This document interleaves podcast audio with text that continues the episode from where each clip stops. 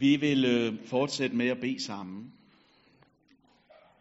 Kære Jesus, vi beder dig om, at du nu må være til stede midt i blandt os. Både øh, inde ved siden af, hos øh, dem, der skal sige noget til børnene nu. Jeg beder dig sådan om, at det, de skal høre i dag, må styrke deres tro, grundfæste deres håb. Og Jesus, det samme beder vi også om for os, der er blevet tilbage nu. Vær du her med din ånd. Giv os af dig selv, så vi kan holde ud, indtil vi ser dig. Amen. Det, som er prædiketeksten til i dag, er, som Thomas allerede har sagt, den gamle testamentlige lektie fra, øh, fra Esajas' bog, og vi vil rejse os op og høre i Jesu navn, hvad der står her. Der høres ikke længere om vold i dit land, om undertrykkelse og ulykke inden for dine grænser. Dine mure skal du kalde frelse, og dine porte lovsang. Solen er ikke længere dit lys om dagen. Det er ikke månen, der lyser for dig om natten. Men Herren skal være dit evige lys, og din Gud er din herlighed. Din sol går ikke ned, og din måne tager ikke af, for Herren er dit evige lys, og dine sørgedage er forbi. Alle i dit folk er retfærdige, og evigt skal de eje landet. Et skud, som Herren har plantet, hans hænders værk til hans ære. Den mindste bliver til tusind, og den yngste til et mægtigt folk. Jeg er Herren. Jeg vil fremskynde det, når tiden er inde. Det er Guds ord. Amen. Værsgo og sid ned. Se, øh, nu ved jeg ikke helt, hvordan I har det med rundbold, jer, der sidder her. Om det er noget, I gør det i, eller om det er noget, der hører jeres øh, fortid til, dengang I gik i LMU eller lignende. Men altså for tiden, der fylder rundbold rigtig meget i en af mine børns liv i klassen. De spiller rundbold hele tiden, når de har mulighed for det. Og se, en dag for nylig, jeg vil jo ikke sige, hvem det er, men altså en dag for nylig, så kom hun hjem, og øh, hun strålede skarpere end forårssolen. Fordi hun havde lavet en befrier. Hun havde knaldet den der bold så langt væk, at hun kunne løbe en hel omgang. Og dermed vække en af de døde til liv igen, og mit hjerte, det svulmer jo næsten ved at huske det stadigvæk sådan, ikke også? Og se, når vi starter her i dag, så er det ikke kun fordi, jeg gerne vil prale, men så er det også fordi, at vi jo i dag, altså, vi er samlet for at mindes dem, der har gået foran os i troen. Mindes dem, der nu har nået målet. Men, for der er et men her. Det er jo ikke kun minderne, der samler os i dag. Det er også budskabet om hvor døds befrier. Døden, det er jo den ultimative fjende, vi står overfor. Det er den, der ødelægger alt, hvad der er smukt og godt i denne her verden. Og derfor er det vigtigt, at vi minder hinanden om jævnligt, og særligt i dag, at det er en besejret fjende. Døden er en terminal patient. Der kommer en dag, hvor døden dør. Alt sammen på grund af vores befrier. Og det betyder jo, at i dag, der har vi en dag tættere på den nye jord. Vi er snart hjemme. Sorgens smerte, som vi måske mærker ekstra tungt her, på sådan en dag som alle helgen, det kan jo snøre sammen Sorgens smerte kan føre os ind i ensomheden. For minderne, de sidder jo ikke kun i vores hukommelse. De sidder også ude i vores sanser og vores følelser. Paulus skriver om i 2. Korintherbrev, at vi bor i telte, mens vi bor i den her jord, og vores telte har nervebaner. For det er jo sådan, at døden kan jo godt opleves som værende det, der modsiger alt det, som troen på Jesus giver os. Jesus han kom for at give. Men når nogen dør, taler vi om, at vi har mistet. Og hvis vi skal være lidt filosofiske, så er livet vel dybest set en lang række af tab. En dag så vil der også være nogen, der mister mig. En dag vil der også være nogen, der mister jer. Og derfor så er det i dag, at jeg gerne vil sige noget om trøstet tro. Fordi alle Guds løfter har fået deres ja i Jesus. Og derfor så ved vi også, det er ikke altid vi føler det, men vi ved, at døden ikke får det sidste ord ind i en kristens liv. For ja, vi der lever her på den her jord, vi står stadigvæk tilbage med et savn. Nogle af os skal stadigvæk gennemleve tab. Men for den, som er død i troen på Kristus, så er man ikke gået bort. Men så er man kommet hjem. Så hvis vi nu var en øh, frimenighed i stedet for en folkekirke, hvad for en øh, liturgisk farve ville så høre til dagen i dag? Det er den farvekvist, jeg skrev om i mit forberedelsespapir. Hvad for en dag er den liturgiske farve i folkekirken i dag? Man kan vinde et varmt håndtryk. Det bliver en lang dag, det her. Thomas øh, siger jo, jeg skal være færdig kvart over. Hvad farve tror I, det er? Grøn. Det er godt, I er med i en frimenighed, tænker jeg, ikke også? Fordi svaret, det er faktisk hvidt. Det er jo festens farve. Uden at jeg sådan helt forstår det, og så alligevel.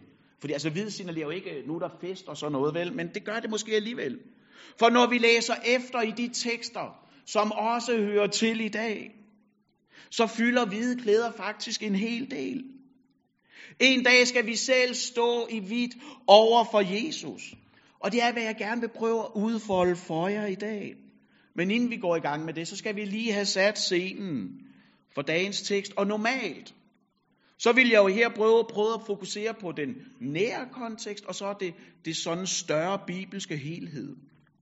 Og i dag, der bliver det ændret en smule. For ja, vi tager udgangspunkt i Isaias' tekst.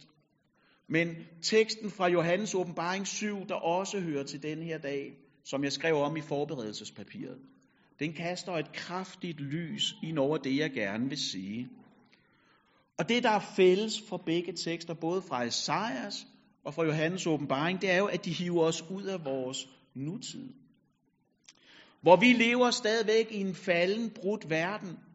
Der er det som om, at de løfter vores øjne, og så viser de os, hvordan fremtiden en dag bliver, når Kristus kommer igen og genopretter alt det, som er brudt. For når Isaias og Johannes taler om det nye Jerusalem, så er det jo ikke det fysiske Jerusalem. Det, der ligger op på en bakketop nede i Israel. Men så taler de om det nye Jerusalem, der kommer ned til os i Johannes åbenbaring 21. Så det vi får lov til at se et glimt af i dag, det er den nye jords virkelighed. Og det er jo ikke skrevet som et bud på en fremtidsroman. Det er jo ikke skrevet som en prognose, hvordan det måske eventuelt kan se ud, hvis konjunkturerne ellers retter sig. Men det er et blik ind i den virkelighed, som vi skal leve i. Det er et blik ind i vores hverdag, når synden er forsvundet, og Gud har taget bolig blandt os. Fordi det her med løfter, det er jo noget lidt tricky noget sådan. For de holder de nu, ikke også? Og det er jo måske voksenmobning det her, men alligevel sådan, ikke? Hmm. Fordi vi kender jo alle sammen til brudte løfter, ikke også? Både i det politiske liv, og måske også mere smertefuldt i vores eget personlige liv. Og derfor har vi brug for at minde hinanden om, som indgangsbøn, så at sige, til den her prædiken, at Guds ord er troværdige og sande. Vi skal ikke holde en meningsmåling om, hvorvidt Guds ord nu er sandt eller ej. Det er sandt. En af vores kerneværdier i vores menighed her, det er jo troværdig Bibel. At Guds ord er sandt, altid under alle forhold. Og derfor så er dagens tekst jo heller ikke en form for from eskapisme. Men i tillid til Bibelen taler sandt, så vil vi i dag prøve at række vores hænder ud imod den navlemærkede frelser. For her ved vi, der er et håb. Der er et evigt håb. Fordi vi ved, at når vi griber om ham, når han bærer os, når vi følges med ham, så kan vi en dag følges med Jesus ind i evigheden. Sådan som vi siger hver gang, der er dåb her. Så det første, jeg gerne vil prøve at folde ud for jer i dag, det er jo den virkelighed, at Herren er et evigt lys for os. Og det første, vi skal lægge mærke til i den forbindelse, jeg er stadigvæk ny i trafikken, hvad PowerPoint angår, så be over med mig sådan, ikke også? Men det vi skal lægge mærke til sådan, i de her fem vers fra Isaias, det er jo det, jeg har valgt at kalde for finaliteten, hvis det ellers er et ord. Prøv at se, hvor tit der står ikke længere og evigt sådan i forskellige ordformer. For det her, det skildrer jo vores virkelighed den dag, Jesus kommer igen.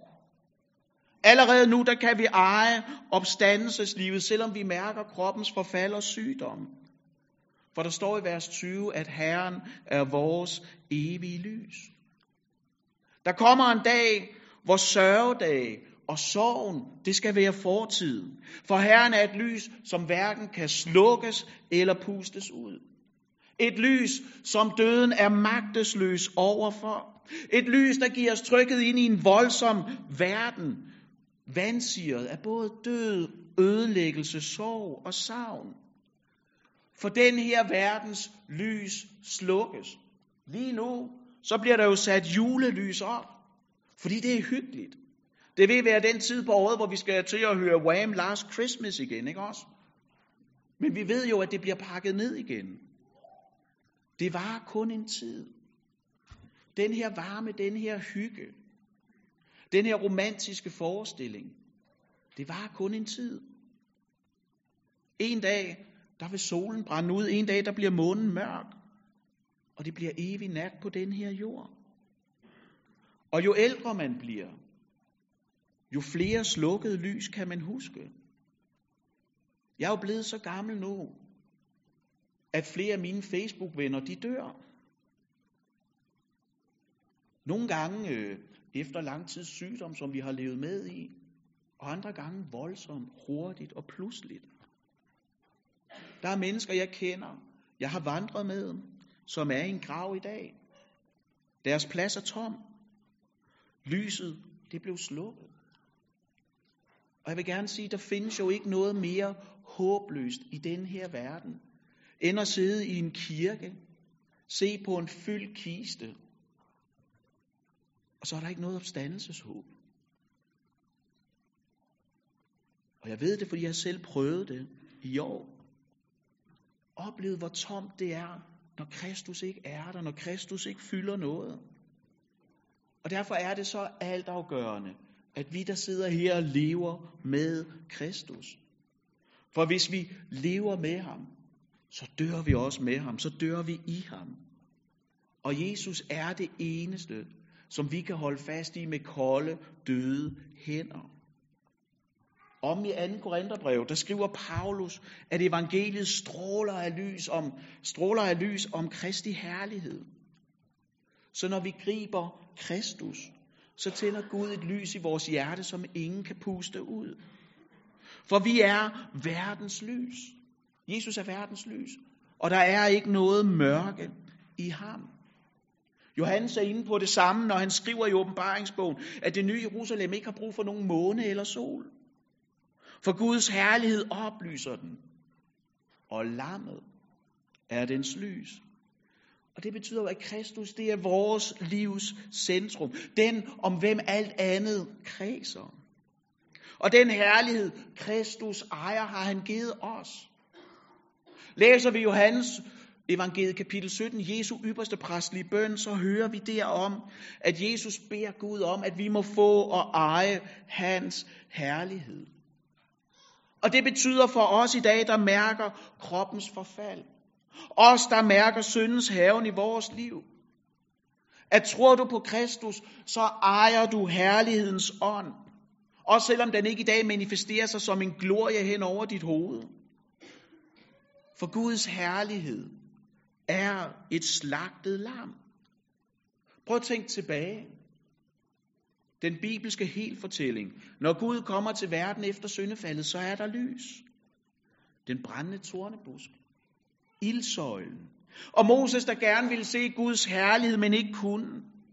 Som kun fik lov til at se Gud bagfra, for ellers så ville han dø. Men der kommer en dag, venner. Der kommer en dag, hvor vi skal se Guds herlighed uden at dø. Hvor Guds herlighed er over hele byen. Der kommer en dag, hvor vi kan få lov til at se Gud ansigt til ansigt, se hans herlighed uden at gå til grunden på grund af det slagtede lam. For på Golgata, der blev Jesus forladt for, at vi kan være Gud nær i al evighed. Bent Ryborg, som er en øh, for længst afdød bibellærer, som jeg gennem tiderne har lært meget af, også indimellem tænker tilbage på. Han havde sådan en sjov måde at sige S på. Det, er sådan, det var sådan en meget skarp måde sådan at sige S, ikke også? Han har engang sagt sådan her, jeg ved, jeg skal dø. Jeg ved ikke, hvordan eller hvornår jeg skal dø. Men jeg ved, hvor jeg kommer hen, når jeg er død. Og på se, det synes jeg jo er enormt godt sagt. Og forhåbentlig så er det noget, der binder os sammen. Vores sammenhold er ikke kun konstitueret af, at vi i dag sidder her klokken halv 11 i et hus, men at vi er vævet sammen i troen. At vi er på vej sammen hen imod målet, det nye Jerusalem. Til det sted, hvor vores tro skal trøstes. Som er det næste, jeg gerne vil, at vi skal se lidt sammen på nu. At Gud tørrer vores tårer væk. Fordi der kommer en dag, hvor vores sørgedag er forbi. For er der noget, jeg på en særlig måde er blevet glad for i dag i arbejdet med teksten, så er det jo det her. Sorgen var ikke ved. En dag skal sorgen stoppes, og den vender aldrig tilbage.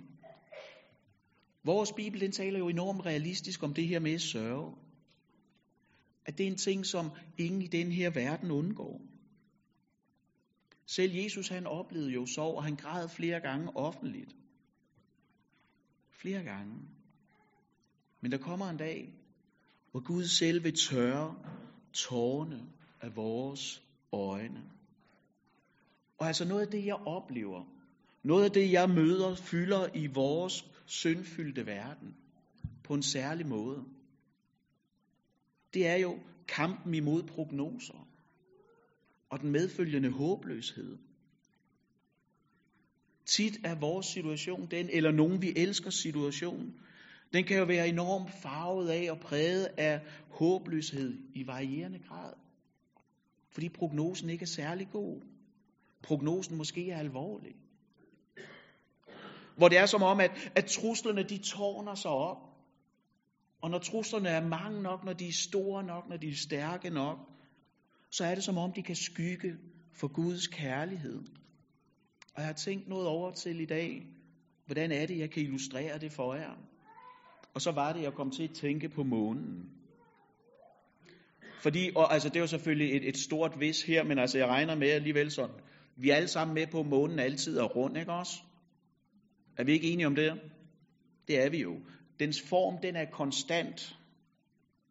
Det er bare ikke altid sådan, vi ser det. Nogle gange så er der noget, der skygger for den, så vi ikke ser det hele. Fordi der er noget, der spærrer vores blik. Og sådan tror jeg også godt, vi kan have det med Guds kærlighed i mødet med prognoser, i mødet med håbløsheden. Vi, vi, vi taler om at tabe til sygdom. Vi taler om at tabe til kraft. Som om det var en kamp, man kunne have vundet, hvis man bare havde kæmpet mere. Men altså, vi taler om at miste. Vi taler om at tabe. Og her er det, vi har brug for at minde hinanden om de her ord, som Jesus har sagt. Jeg har aldrig mistet en. Der er ikke nogen, som Jesus har tabt undervejs eller mistet. For enhver, som har givet sit liv til Kristus, der er det her virkeligheden. Han holder fast. Og med Kristus taber vi aldrig. Men vi vinder, fordi han har besejret døden indefra. Ligesom os, der græd Jesus i mødet med døden. Men han er aldrig magtesløs over for den, ligesom vi er. Og derfor er det, at sorgen har en udløbsdato. Der kommer en dag, hvor al sorg, søn, død og nød skal forsvinde. Hvor de ikke længere skal få lov til at plage os. Og prøv at høre, vi er der ikke endnu. Og derfor så græder vi fortsat. Og i salme 56, der synger David sådan her, at du, altså Gud, fører bog over min elendighed, gemmer mine tårer i en lædersæk. Og det er jeg bare blevet så glad for op til i dag. Underforstået, at når vi sørger, når vi bliver overmandet, overvældet af sorg, så bemærker Gud det. Han både hører og ser din sorg. Og han er der så nær i sorgen, at han gemmer vores tårer. Og det er jo noget for, det er jo noget forunderligt noget, det her med tårer. For det er vel den eneste kropsvæske, vi så at sige ikke vemmes over, når den forlader kroppen.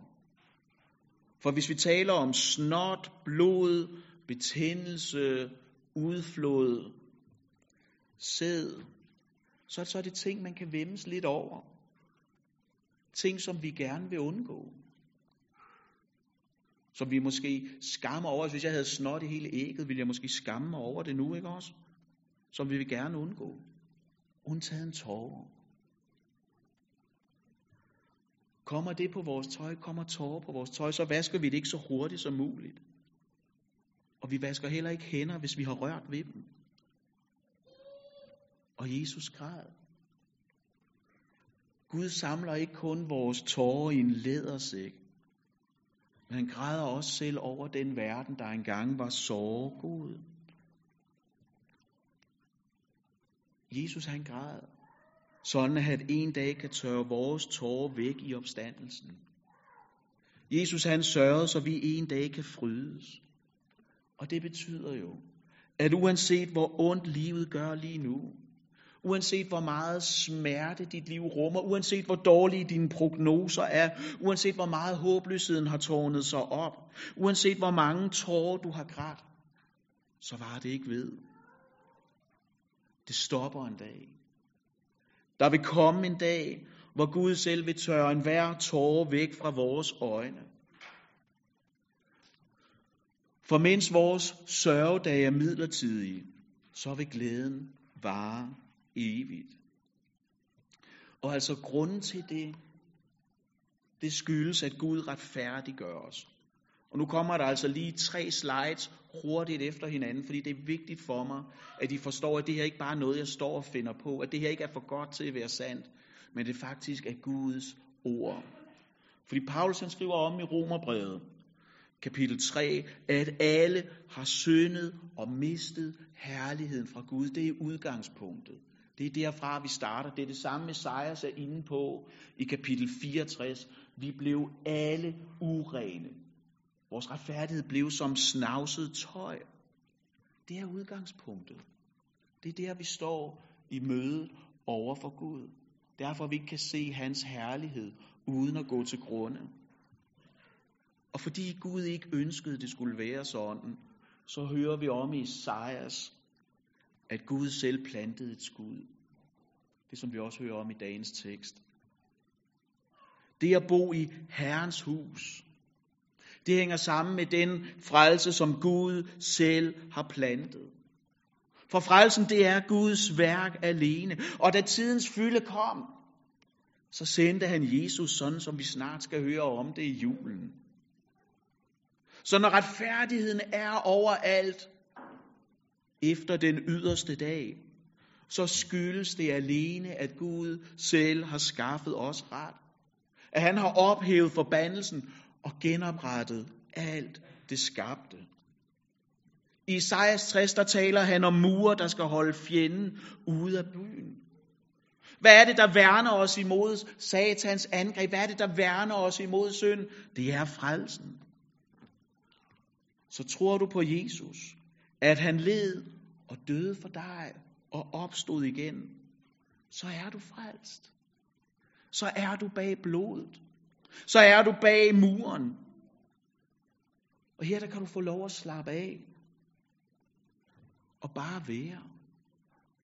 Her skal du ikke gøre noget. Men bare være. For nåden er et præstationsfrit rum. Her der er du ikke selv i fokus, der er du ikke selv centrum. For det er det slagtede lam. Og når det går op for os, når vi ser, at Gud har frelst mig, så er det, at nåden føder lovsangen. Og det giver os en triumferende jubel over alt det, vi ejer i Kristus. Som vi også kan synge på gravens kant. Fordi lammets blod, det gør os hvide. Det gør os rene. Det klæder os i hvidt, og det gør, at vi kan se Guds herlighed og overleve. Og vi skal være der, hvor ingen plage længere skal ramme os. Det er jo det, der står. Det er det, der står i åbenbaringsbogen, kapitel 7, det der er den nytestamentlige øh, epistel til i dag. Ingen plage skal længere nå os. For Herren passer selv på. Står der, vogter og leder os til livets kilde. Og ved hvad det betyder? Det betyder jo, at lammet er blevet vores hyrde. Den, der sørger for os ikke bare nu, men i al evighed.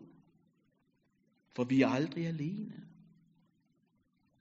Den synd, du og jeg har, den synd, du og jeg bærer på, den synd, du og jeg gør, den kan ikke slides af. Vi kan heller ikke selv vaske os rene fra det. Det er kun lammets blod, der kan gøre os syndfri. Og lammet blev slagtet for dig.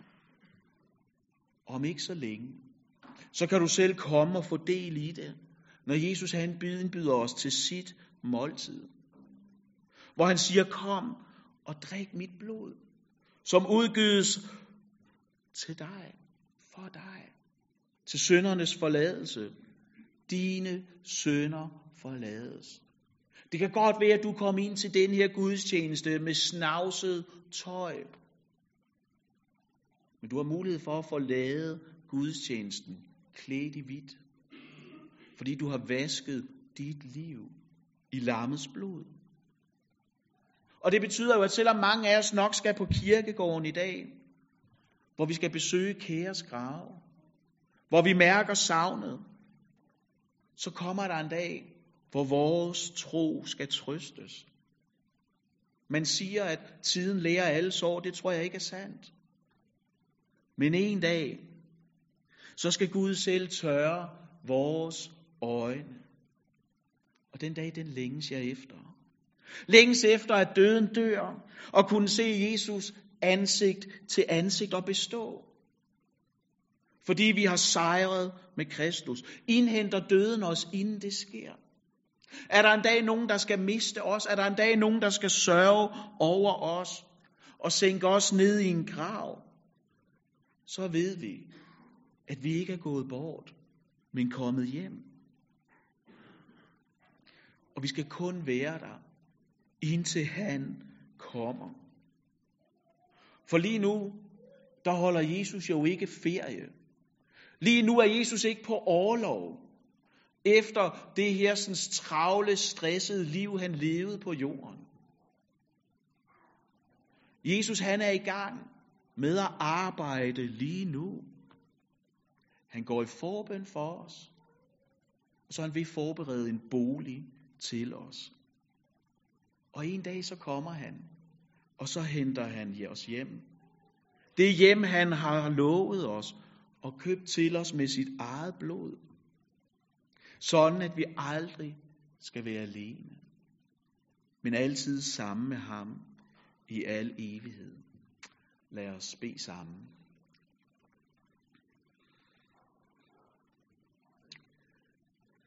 Kære Jesus, jeg beder dig sådan om, at du må klæde os i hvidt.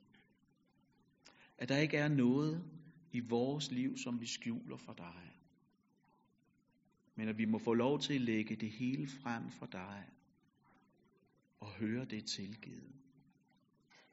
Uden forbehold.